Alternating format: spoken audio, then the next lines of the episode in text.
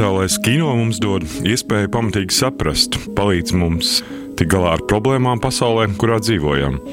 Un balstoties uz šo izpratni, izstrādāt kaut kādus adekvātus soļus nākotnē. Pat ja tā ir kaut kāda filma, kas saistīta ar vēsturiskiem notikumiem, mēs to darām, lai mēs spētu kā skolnieki apgūt pasauli, kurā dzīvojam. Tā Vitālijas Manskis, dokumentālā kino režisors. Vitālijas Maņskis pēc Krimas okupācijas ar ģimeni pārcēlās dzīvot uz Latviju 2014. gadā. Izveidoja kinofestivālu Ārdokfest Rīga, un pēdējos gados viņa veidotās filmas radinieki, Putina liecinieki, Gorbačovs paradīze dokumentē jaunāko laiku vēsturi, kuras iekšpusē atradies arī režisors, bija Krievu politiskās elites dokumentētājs. Raidījumā Brīvības bulvārs saruna ar Vitāliju Maņski par Krievijas karu Ukrajinā. Ты с 2014 года живешь в Риге. Да, ровно да. с аннексией Крыма. Вчера, 22 февраля, мы услышали реакцiju nu, многих русских интеллектуалов. 22. februārī mēs dzirdējām daudzu krievu intelektuāļu un inteliģences reakciju uz notiekošo. Kinokritiķis Antons Doļins paziņoja, ka šajā naktī noticis visšausmīgākais un apkaunojošākais notikums visā viņa mūžā. Mans prezidents pieteicis karu Ukrainai. Viņš rakstīja, kāda tev bija sajūta tajā naktī un kā tu vispār uzzināji par notiekošo? Несмотря на то, что я очень точно понимал Neskatoties uz to, ka es ļoti precīzi sapratu visu notikumu attīstības scenāriju jau 2014. gadā, tieši tāpēc es pieņēmu šo lēmumu. Turklāt toreiz tas bija tāds mirkļa lēmums - pamest Krieviju. Neskatoties uz to, iekšēji, tīri intuitīvi, es centos novilcināt šo brīdi un aizstumt to, cik iespējams tālāk. Neapšaubāmi tas bija neizbēgami, jo tad, kad valsts un tās diktators sāk citas valsts teritorijas aneksiju, šim procesam ir noteikta attīstības loģika. Un šī loģika ir nemainīga. Taču gluži kā to cilvēku nāve, kurš guļ gultā, tik tikko vairs kustinot rokas un lūpas, tik un tā tu vēlēsi šo nāves neizbēgamību atlikt pēc iespējas tālāk. Atlažīt, как можно дальше. В принципе, мне даже Un, principā, man tā visa priekšvakarā, es jau minēju reizi, man kāds labi informēts cilvēks piezvanīja, un pat nevis piezvanīja, bet atrakstīja slepenajā messengerī. Mūsdienās nāks izmantot arī tādus. Brīdini savus tuviniekus Ukrajinā, šonakt būs, viņš man rakstīja. Es nebrīdināju, es aizgāju gulēt cerībā, ka tomēr tā ir vēl viena, nu, vēl viena panikas lēkme. Piecos no rīta pamodos, jo sieva man blakus gulēja ar atvērtu datoru lasīju internetu. Es piezvanīju savai mammai Odesā un māsai. Es viņas pamodināju. Es runāju ar viņu ļoti uzmanīgi, pastāstīju par notiekošo. Pēc tam viņa ieslēdza. Mēs savulaik nopirkām planšetdatoru viņai. Viņa paskatījās internetā, jo piecos no rīta vēl informācijas nebija. Nu, un pēc tam viss sāk attīstīties. Un, starp citu, ļoti mērķiecīgi. Mēs abi ar tevi strādājam kino un zinām, ka pat uh, dokumentāls filmas tiek uzņemtas pēc scenārija. Tātad ir kaut kāds scenārijs, kuru pārrakstīt jau vairs nav iespējams. Bet tu taču pazini vai pazīsti šos Putina cilvēkus? Pazīsti personīgi. Nu, tu arī kā dokumentālists, kad uzņēmi Putinu savai filmai, Tu ļoti ilgi šo materiālu nemontēji. Да. Tu saglabāji šo materiālu un gaidīji. Kas notika ar šiem cilvēkiem? Vai viņi mainījās? Я бы так сказал. Действительно, Es teiktu, tā patiešām pirms šī kara notika tāda kaunpilna akcija, kad Kremlī norisinājās pasākums ar nosaukumu Krievijas drošības padomu. Krievijas drošības padomus sēde, kur pieauguši cilvēki, vīrieši, galvenokārt vīrieši, manuprāt, tur bija viena sieviete, taču te dzimums nav svarīgs. Iznāca un aplēja sevi no galvas līdz kājām paši ar savām samazgām. Viņi iznāca un pēc viena no viņiem attālināta sēdoša Lielskunga komandas ierakstījās noziegumā, kas ir fiksēts lentē, un uh, ir vairs nevis viena cilvēka noziegums, bet grupveida. Nu, zini, prasās teikt, grupveida izvarošana. Viņi ierakstījās šajā grupveida noziegumā. Dažus no šiem ļaudīm augstos amatos, kas kāpa tribīnē, es pazīstu personīgi. Ar dažiem no viņiem esmu uz tu un man bija neiedomājams kauns. Nu, tā ir vismazākā viena no maigākajām emocijām, kuras es izjūtu. Kauns par šiem cilvēkiem, kuri pilnībā zaudēja savu cilvēcisko cieņu. Un, protams, šī pilnīgā fantastiskā aina. Tas ir dokumentālais kino, neko citu nevajag. Jau gatavu dokumentālu filmu. Не надо ничего, это просто готовый документальный фильм. Поддержу предложение о э, признании. Поддержу или поддерживаю? Говорите прямо, Сергей. Поддерживаю Предложение. Так и скажите, о, так, да, да или и нет? говорю, да, да. Поддерживаю предложение о вхождении Донецкой и Луганской народных республик в состав Российской Федерации. Да, да, мы об этом мы об этом не говорим, мы этого не обсуждаем. Мы говорим мы говорим о э, признании их независимости или нет. Да. А, интеллигентный, образованный, а, взрослый Aina, kad Krievijas ārējā izlūkdienas priekšnieks, inteliģents, izglītots pieaudzis vīrietis, ģimenes tēvs uzvārdā Nariškins iznāca un atļāvās. Nu, varbūt kā cilvēks, kurš prot izskaidrot dažus soļus uz priekšu. Atļāvās par Doņetskas un Luhanskas atzīšanu lietot nepareizo laiku. Viņš izteicās, ka viņš piekritīs. Piekritīs atzīšanai, nevis piekrīt. Es zinu, ka mūsu saruna tiek tulkota uz latviešu valodu. Esmu mācījies latviešu valodu, un arī šai valodā ir darbības vārdu laiki. Tātad viņš piekritīs, un Putins viņu tūlīt apsauc. Teica, pag, es nesaprotu, jūs vēl tikai piekritīsiet, vai jūs šobrīd piekrītat, runājiet, kā tā teikt, kā vajag runāt. Un šis izbiedētais, apjukušais pasaules varenākā izlūkdienesta vadītājs, viena no lielākajiem izlūkdienestiem pasaulē, kas darbojas milzīgā valstī ar kodolu potenciālu, viņš tā pārvērš par bezpalīdzīgu, nožēlojamu, nesekmīgo, kas samulsumā pasak šos vārdus. Es esmu par to, lai pievienotu Doņetsku un Luhansku Krievijai. Un te Putins viņu pārtrauc, sakot: Nu, pagaidiet, pagaidiet, to mēs šobrīd neapspriežam. Lūk, patiesībā ar ko mums ir darīšana, kāda ir situācija. Un, kad es teicu, ka tas ir dokumentālais kino, es domāju, ka principā šobrīd nu, mēs rādīsim filmas festivālā, dokumentālās filmas, kas uzņemtas pirms gada. Kamēr filma uzņem, kamēr tā iznāk uz ekrāniem. Taču dokumentālajam kino ir pārsteidzoša, unikāla spēja nevis sniegt mums informāciju par kaut kādiem notikumiem, bet piedāvāt zināmu autoru skatījumu uz notikumiem un varbūt pat ieteikt kaut kādus pravietiskas nākotnes ainas. Neskatoties uz to, ka dokumentālais kino pilnībā skaidri balstās uz realitāti. Un šai ziņā arī Alins Gorlovs filma Šis lietus nekad nebeigsies. Tā ir Ukrāņu filma, starp citu, ar eh, koproducentiem no Latvijas puses, kas parāda pasauli, kurā karš kļūst par neatņemamu dzīves sastāvdaļu un tās ir radikālas pārmaiņas. Vēl pirms pieciem gadiem mēs dzīvojām citā pasaulē. Tu teici reiz kādā intervijā, ka tavā priekšstatā Putins jau sen vairs nav cilvēks, kā ar viņu nav iespējams runāt. Jā, nenormālība kā apliecinājums tam, ka ir arī normālums. Nē, es uzskatu, ka viņš nav adekvāts. Jā, neadekvātums ir nenormālības forma tādā gadījumā, jā. Taču neadekvātums nozīmē to, ka trūkst saiknes ar realitāti. Viņš absolūti izkropļotā veidā saprot pasaulē notiekošos procesus. Vēl vairāk. Viņa priekšstats par to, kā iekārtota pasaule, bija aktuāls tajā laikā, kad veidojās impērijas.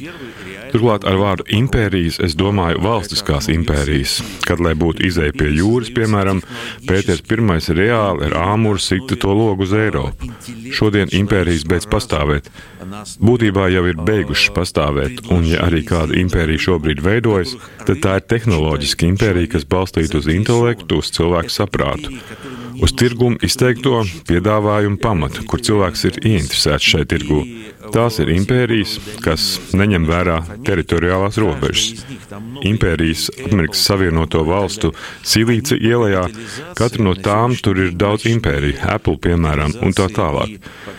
Kapitalizācijas ziņā šobrīd tās ir varenākas par Krievijas federācijas kapitalizāciju un iekšzemes koproduktu. Par visas Krievijas IKP. No taču tā ir impērija, kas nevienu neiekaro. Precīzāk, viņi iekaro tirgu, taču neiekaro valstis. Ar iPhone var staigāt gan demokrāts, gan republikānis Savienotajās valstīs. Ar iPhone var staigāt Nacionālā bloka pārstāvs Latvijā un nezinu kurš. Ušakovs var staigāt ar iPhone gal galā. Cilvēki ar diametrāli pretējiem politiskiem uzskatiem. Un tās ir principiāli cita tipa impērijas. Toties Putins uzskata, ka impērijas ir tad, ja viņš izgudro vienu iPhone un rada teritoriju. Nu, savu kaut kādu čaika, paļot, nezinu, Maskvā 24. Un viņš izveidoja teritoriju, kura nepastāv izvēle, kur nepastāv tirgus, kur visi balso par vienu partiju, visi tā teikt dzīvo pēc viena reglamenta. Kaut kas tāds mūsdienu pasaulē nav iespējams. Ir viena valsts ar tādu reglamentu, tā ir Ziemeļkoreja, jā, kura es ļoti labi zinu atšķirībā no Putina. Taču tā ir anomālija. Bet vai Krievija varētu kļūt par Ziemeļkoreju? Nē, neviena valsts nespēja kļūt par Ziemeļkoreju, tāpēc, ka Ziemeļkorejas rašanās tā ir anomālija. Nav iespējams. Teiksim, Černobiļas katastrofas rezultātā radiācijas zonā dzima telēni ar trim kājām, divām galvām. Tā ir anomāla parādība. Un Ziemeļkoreja radās lūk šāda atomspēkstacijas sprādziena rezultātā. Tur sajaucās daudzas sastāvdaļas, kas radīja šo absolūti anomālu valstisku veidojumu. Tīšu prātu, ko tādu izveidot nav iespējams. Un šai ziņā varam būt mierīgi. Neviens nekļūs par Ziemeļkoreju, taču pavērsiens uz Ziemeļkorejas pusi tā jau pati par sevi ir katastrofa jebkurai sabiedrībai. Un Krievija, protams, jau sen ir pagriezusies šajā virzienā. Bet nu, tas var arī turpināties gadiem, kā mēs redzam Ziemeļkorejas gadījumā. Jā, tas var turpināties gadiem. Un, starp citu, man šķiet, es esmu par sankcijām, uzliksim uzreiz punktus uz ī. Taču es uzskatu, ka sankcijas ne tuvu nav viss arsenāls, ar ko iespējams mainīt situāciju. Tāpēc, ka Tomēr krievu cilvēks ar savu mentalitāti ir pašaizliedzīgs cilvēks, viņš ir spējīgs idejas vārdā, savas vai iepotētas idejas vārdā ziedoties. Tā skaitā ziedot savu labklājību un dzīvību. Bet šeit man šķiet gan ir atšķirība nu, no otrā pasaules kara retorikas vai propagandas, uz kuru bija bāzēta visa šī propaganda. Jo šajā kontekstā karš ir ar Ukrainu, un Ukraina nav nacistiskā Vācija, par ko tika veidot propaganda. Послушай, для российского обывателя, который Nē, nu paklausies Krievijas mietpilsonim, kurš, vai arī neteiksim mietpilsonim, jo par to var apvainoties.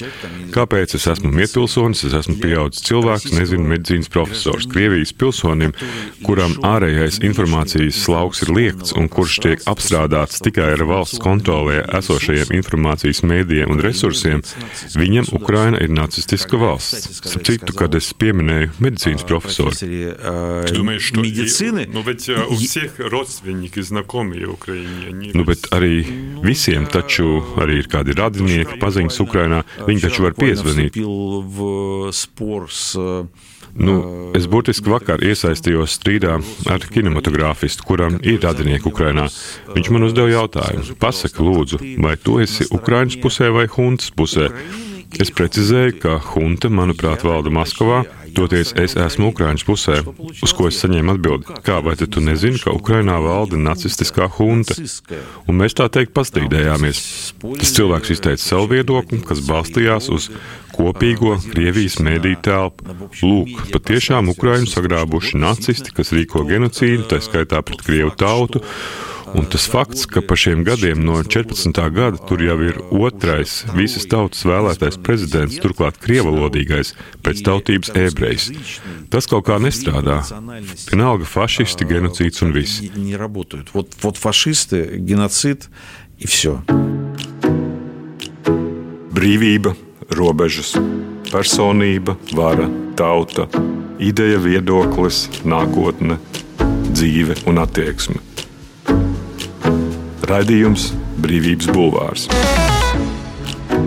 Saruna ar Vitāliju Maņski par Krievijas karu Ukrainā. Если мы возвращаемся обратно к этому вопросу про... Ja mēs atgriežamies pie jautājuma par Putinu un viņa vājprātu, vēl pagājušajā nedēļā Vācu Špīgela rakstīja, ka meklēja atbildes jautājumu, cik vientuļš vai viens ir Putins un cik ir to cilvēku, kas ietilpst šajā viņa huntā, kura, ja, ja tā to var nosaukt, viņiem bija radies tāds iespējas, ka viņš ar gadiem ir kļuvis samērā vientuļāks. Tur nav tā saucamo siloviku, par kuriem mēs runājām vēl pirms vairākiem gadiem.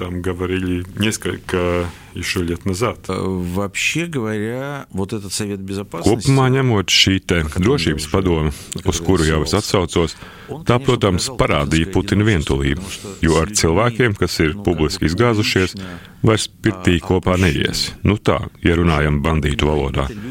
Un redzams, ka viņš šos cilvēkus neciena. Savu komandu, kas, kā šķistu, varētu būt viņa komanda, tie ir cilvēki, kurus viņš personīgi neciena. Šai ziņā, protams, viņš ir vientuļš. Taču tās bailes, ko izjūt komanda, jo viņi saprot, ka viņi, nu, katrs savas izpratnes robežās, taču būtībā viņi ir kļuvuši par kara noziedzniekiem, un viņiem, Putina režīmam krītot, perspektīvas maigi izsakoties, ir visai skumjas. Viņi ir spiesti turēties pie sava stūrmaņa, viņi ir spiesti atbalstīt šo sistēmu, taču šai sistēmai nav koleģiāla vadība. Šo sistēmu vada viens cilvēks, viņš izveidojis to pašu varas vertikāli, kurā viss turas uz atbildību adatas smailes, kā tajā Krievu pasakā par nemirstīgo kašķeju. Un es domāju, ka es nu pat pieminējos par sankcijām, kuras es nevisai tā sacīt, es tās atbalstu, taču nevisai ticu to efektivitātei. Es uzskatu, ka Pasaules sabiedrībā ir jāieraug šīs problēmas sakne un jārisina pamat problēma, jāatrisina šī konkrētā cilvēka problēma. Paklau, ir tādas lietas, kurās nav iespējams apstāties. Putins atrodas situācijā, kad apstāties jau vairs nav iespējams. Nu, manuprāt, tad viņš nav tādā savu veidu bunkurā. Tieši tā.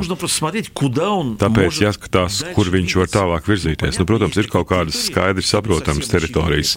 Skaidrs Moldova, Piedņestrā, skaidrs Gruzija, Armēnija, tur viss ir saprotams. Nu, protams, Baltkrievija tā jau tur ir un ko tālāk, kas būs nākamais. Es vakar skatījos tavu veidoto filmu par Gorbačovu, Gorbačovs paradīzi, kurā ir tāda vieta, kur tu Gorbačovam vaicā, vai Eiropa savulaik izmantoja iespēju, ko Gorbačovs viņiem piedāvāja. Un Gorbačovs atbildēja jā. Pēc tam tu turpināji jautāt, vai Krievija izmantoja šo iespēju. Un Gorbačovs atbildēja, jā, tāpēc, ka mēs dzīvojam mierā, nenotiek karš. Taču, ja mēs šo epizodi klausāmies no šīs dienas skatu punkta, kādā mērā šobrīd notiekošais ir turpinājums Padomju Savienības sabrukšanai? Nu, vispār, nu, ka tā ir nevis jauna pasaule, bet tā jau projām turpinās tas pats, kas beidzās ar Gorbačovu.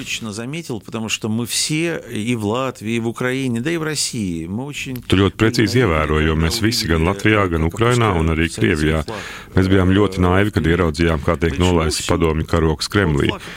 Mēs nospriedām, nu viss, karoks ir nolaists, saimniecības pārziņas to salocīja, pasita padusē, nomainīja simbolus. Jā, aizgāja un viss, padomju savienība vairs nepastāv, taču tā nav. Impērija ir šeit mūsu galvā.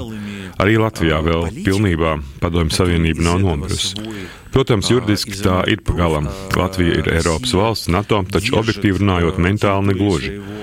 Un, ja to vēl uztur veikli politiķi, kas no tā izspiež sev kādu labumu, tad mēs redzam visu to, cik asiņaini šī impērija jūk laukā, cik alkatīgi Krievija tur teritorijas, kas saistās ar bijušo varenību, cik precīzi Putins formulē. Pat ja jūs esat neatkarīgas valstis, neatkarīgas valstis jūs esat tā teikt uz papīra, viņa prāt. Taču faktiski jums būtu jāpakļaujas mūsu Krievijas ģeopolitiskajām interesēm. Jums nav tiesība veidot savu ārpolitiku, jums nav tiesība iestāties kādos militāros militāros blokos. Principā jums ir jāievēl mums lojāli vadītāji pretējā gadījumā, un šis pretējā gadījumā ir tas, ko redzam šobrīd.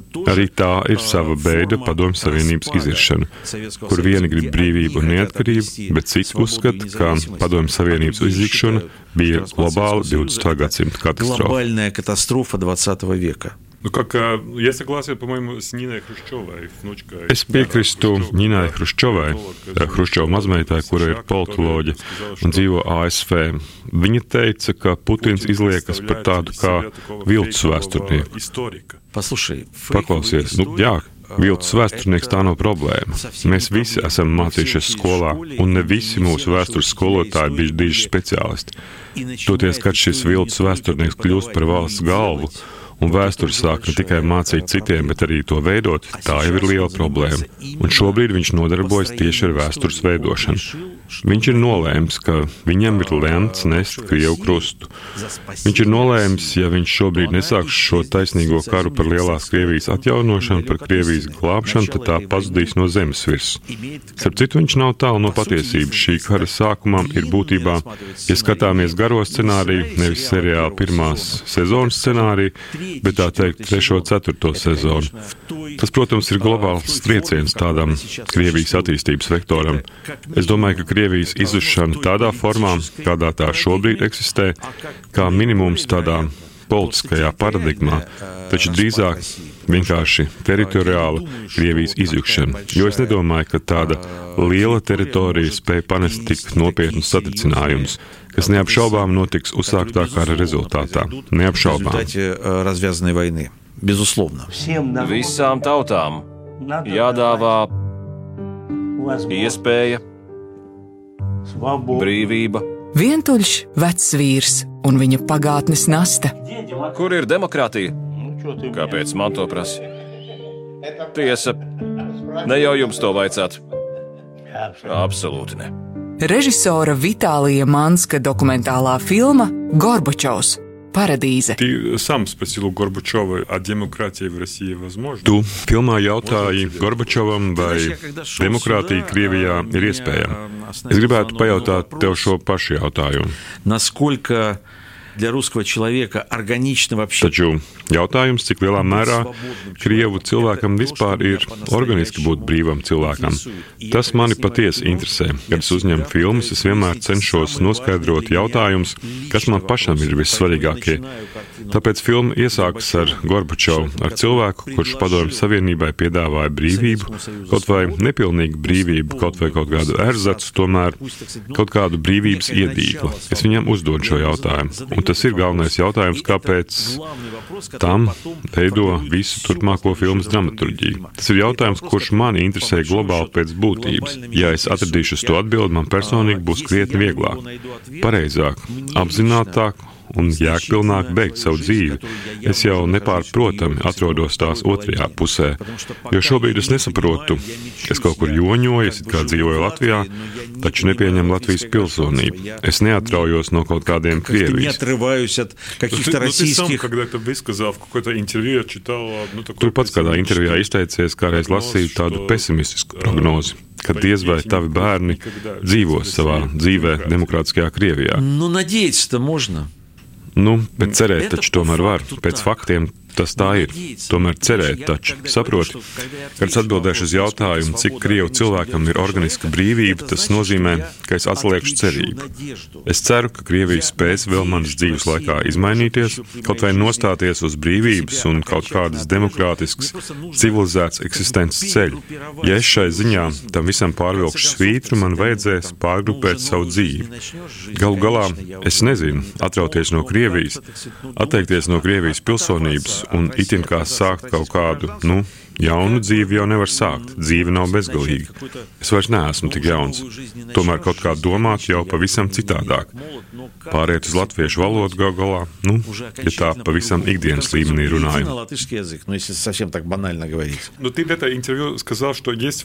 Intervijā teica, ka iespēja dzīvot Krievijā, не касаясь всего arī этого. neliekoties par to visu, nezini, kas tur notiek. Ты знаешь, нет, уже... Zini, nu vairs nē. Мне казалось, это какой-то... Jo tas man likās interesanti. Es zinu daudzus uh, fantastiskus krievu cilvēkus Krievijā, kuriem patiešām bija jau pirms laika sākusies tāda padomju laika dubultā dzīve. Virtuves sarunas un tā И так tālāk. далее, и так далее.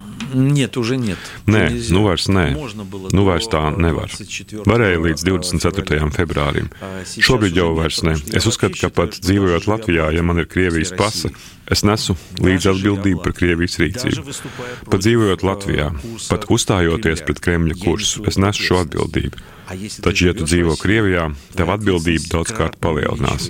Es uzskatu, ka nav pietiekami. Ir pareizi, ka cilvēki izsaka savu pozīciju, teiksim, sociālajos tīklos, iziet ielās, liek profilā Ukraiņas karodziņus, taču ar to ir stipri par maz. Stipri par maz. Ja vakar nebūtu izgājuši uz skatuves visi aktieri visos Krievijas teātros, ja vakar nebūtu iznākuši telekanāla diktori, ja vakar pārtraukt seriālu uzņemšanu, kā draugi man saka, es taču neesmu politikā, es uzņemu seriālus, detektīvus, fantāzijas žanru, es tur neesmu esmu iesaistīts. Ja tiktu apturēta filmu uzņemšana un tā tālāk, tur gal galā, ja ārsts neaiziet uz darbu, mašīnisti nedotos uz metro vagoniem, ja notiktu totāla sabiedrības nepakļaušanās, režīms to novītos. Šis cilvēks cenšas iebiedēt visu pasauli un pirmkārt jau Krievijas iedzīvotājus. Taču vajag, lai Krievijas iedzīvotāji nobiedētu viņu pašu, bet viņam nav bail. Vairāk tūkstoši cilvēku. Pat desmit tūkstoši cilvēku, kas izgājuši uz ielām, viņu nebiedē. 14 miljonu pilsētā tā ir aritmētiska apgrēcība. Viņam ir jāpaliek īstā vientulībā, un tam viņam ir vajadzīgs pavisam nedaudz. Ir vajadzīgs, lai visi kaut nedaudz, nu, nevis daži tūkstoši varoņi, bet tūkstoši. Bet simt miljoni, nevis varoņi, bet solidāru cilvēku. Es lasīju pirms mūsu sarunas izdevumu Screen Daily, kur arī Natālija Maņska un citi Krievijas producenti un režisori pieprasa izbeigt karu. Un es domāju, ka šis pretkara noskaņojums tā jau arī ir Krievu cilvēku mentalitāte otrā pasaules kara dēļ. Tas ir varbūt uzsaukums, kam vajadzētu nostrādāt. Nē, paklausies. Es runāju par to, ka šobrīd uzsaukumu laiks ir pagājis. Es pats šīs vēstules tiku parakstījis, tomēr uzsaukuma laiks vairs nav kam to adresēt. Kam adresēt tādu uzsaukumu? Visus lēmumus pieņem viens cilvēks. Viņš nepievērš uzmanību uzsaukumiem. Viņam jāparāda daudz iedarbīgāka reakcija. Iedarbīgāka reakcija tas ir tā, ka viņš izies no savas rezidences, bet šofera nebūs. Viņš nevarēs tikt uz darbu. Es saprotu, ka tas nav iespējams, jo šofers ir no federālā apsardzes dienesta, bet es nezinu. Kad viņš izbrauc pilsētā, automašīnām jāizšķērso viņam ceļš. Viņš pārsēdīsies helikopterā, bet dispečeri viņam nedos atļauju nosēsties. Tam ir jānotiek, lai visa sabiedrība pa mazai drusciņai atkārtoja. Varonīga rīcība uz viņu nedarbojas. Viņš uzskata varoņus par idiotiem. Navainī viņš uzskata par debīliķi, kurš atgriezies atpakaļ tirāna tvērienā. Viņš cīniski nemirkli nevilcinoties viņu aprī. Nu šobrīd ēd, izgaršo pa gabaliņam vien, cīniski, brutāli, nežēlīgi, nožēlojami, tāpēc varonība nestrādā. Vāju cilvēku kopība nostrādās. Cilvēki, kas uz sekundi kļūs mazliet stiprāki, kad viss notiks, viņi pārliecināsies par savu spēku, un tad būs iespējams izmaiņas. Bet tā sajūta, lai nebūtu kara, tā taču ir Krievu cilvēku asinīs. Paklausies, šobrīd jautājums nav par karu. Šo karu to apstādināt vairs nav iespējams, taču pat ja šo karu apstādinātu, tas vienalga iznirs jebkurā citā mirklī, citā plāksnē. Te ir jautājums par to, ka jāmaina varas sistēma valstī. Tātad tāds puča noskaņojums. Valsts ir izdarījusi visu, lai sabiedrībai nebūtu iespējams mainīt savu dzīvi legālā vēlēšana ceļā. Tāpēc, ka nekādas politisko partiju dzīves valstī vairs nav, nekādu elektorātu procesu valstī nav. Tāpēc vēlēšana ceļā mainīt varu nav iespējams. Ja nav iespējams to mainīt, tā teikt, civilizēti, nu, tad atliek apvērsums. Tādā gadījumā pāri ir jāmaina ar citiem līdzekļiem. Skaidrs. Paldies. Tas bija Vitālijs Manskis, кинореžisors un кинофестивāla Art Dog Fest vadītājs. Да, кто со mной не согласен, приходите на Art Dog Fest, Jā, поговорим. Kurš ar mani nav viensprāts, lai nāk uz Art Dog Fest filmām, parunāsim. Brīvība ir brīvība. Nevienlīdzība vai taisnīgums, vai kultūra vai cilvēks laime. Tā teica Iesai Berlīns. Sarunas ar brīvas apziņas un ideju cilvēkiem raidījumā Brīvības bulvārs.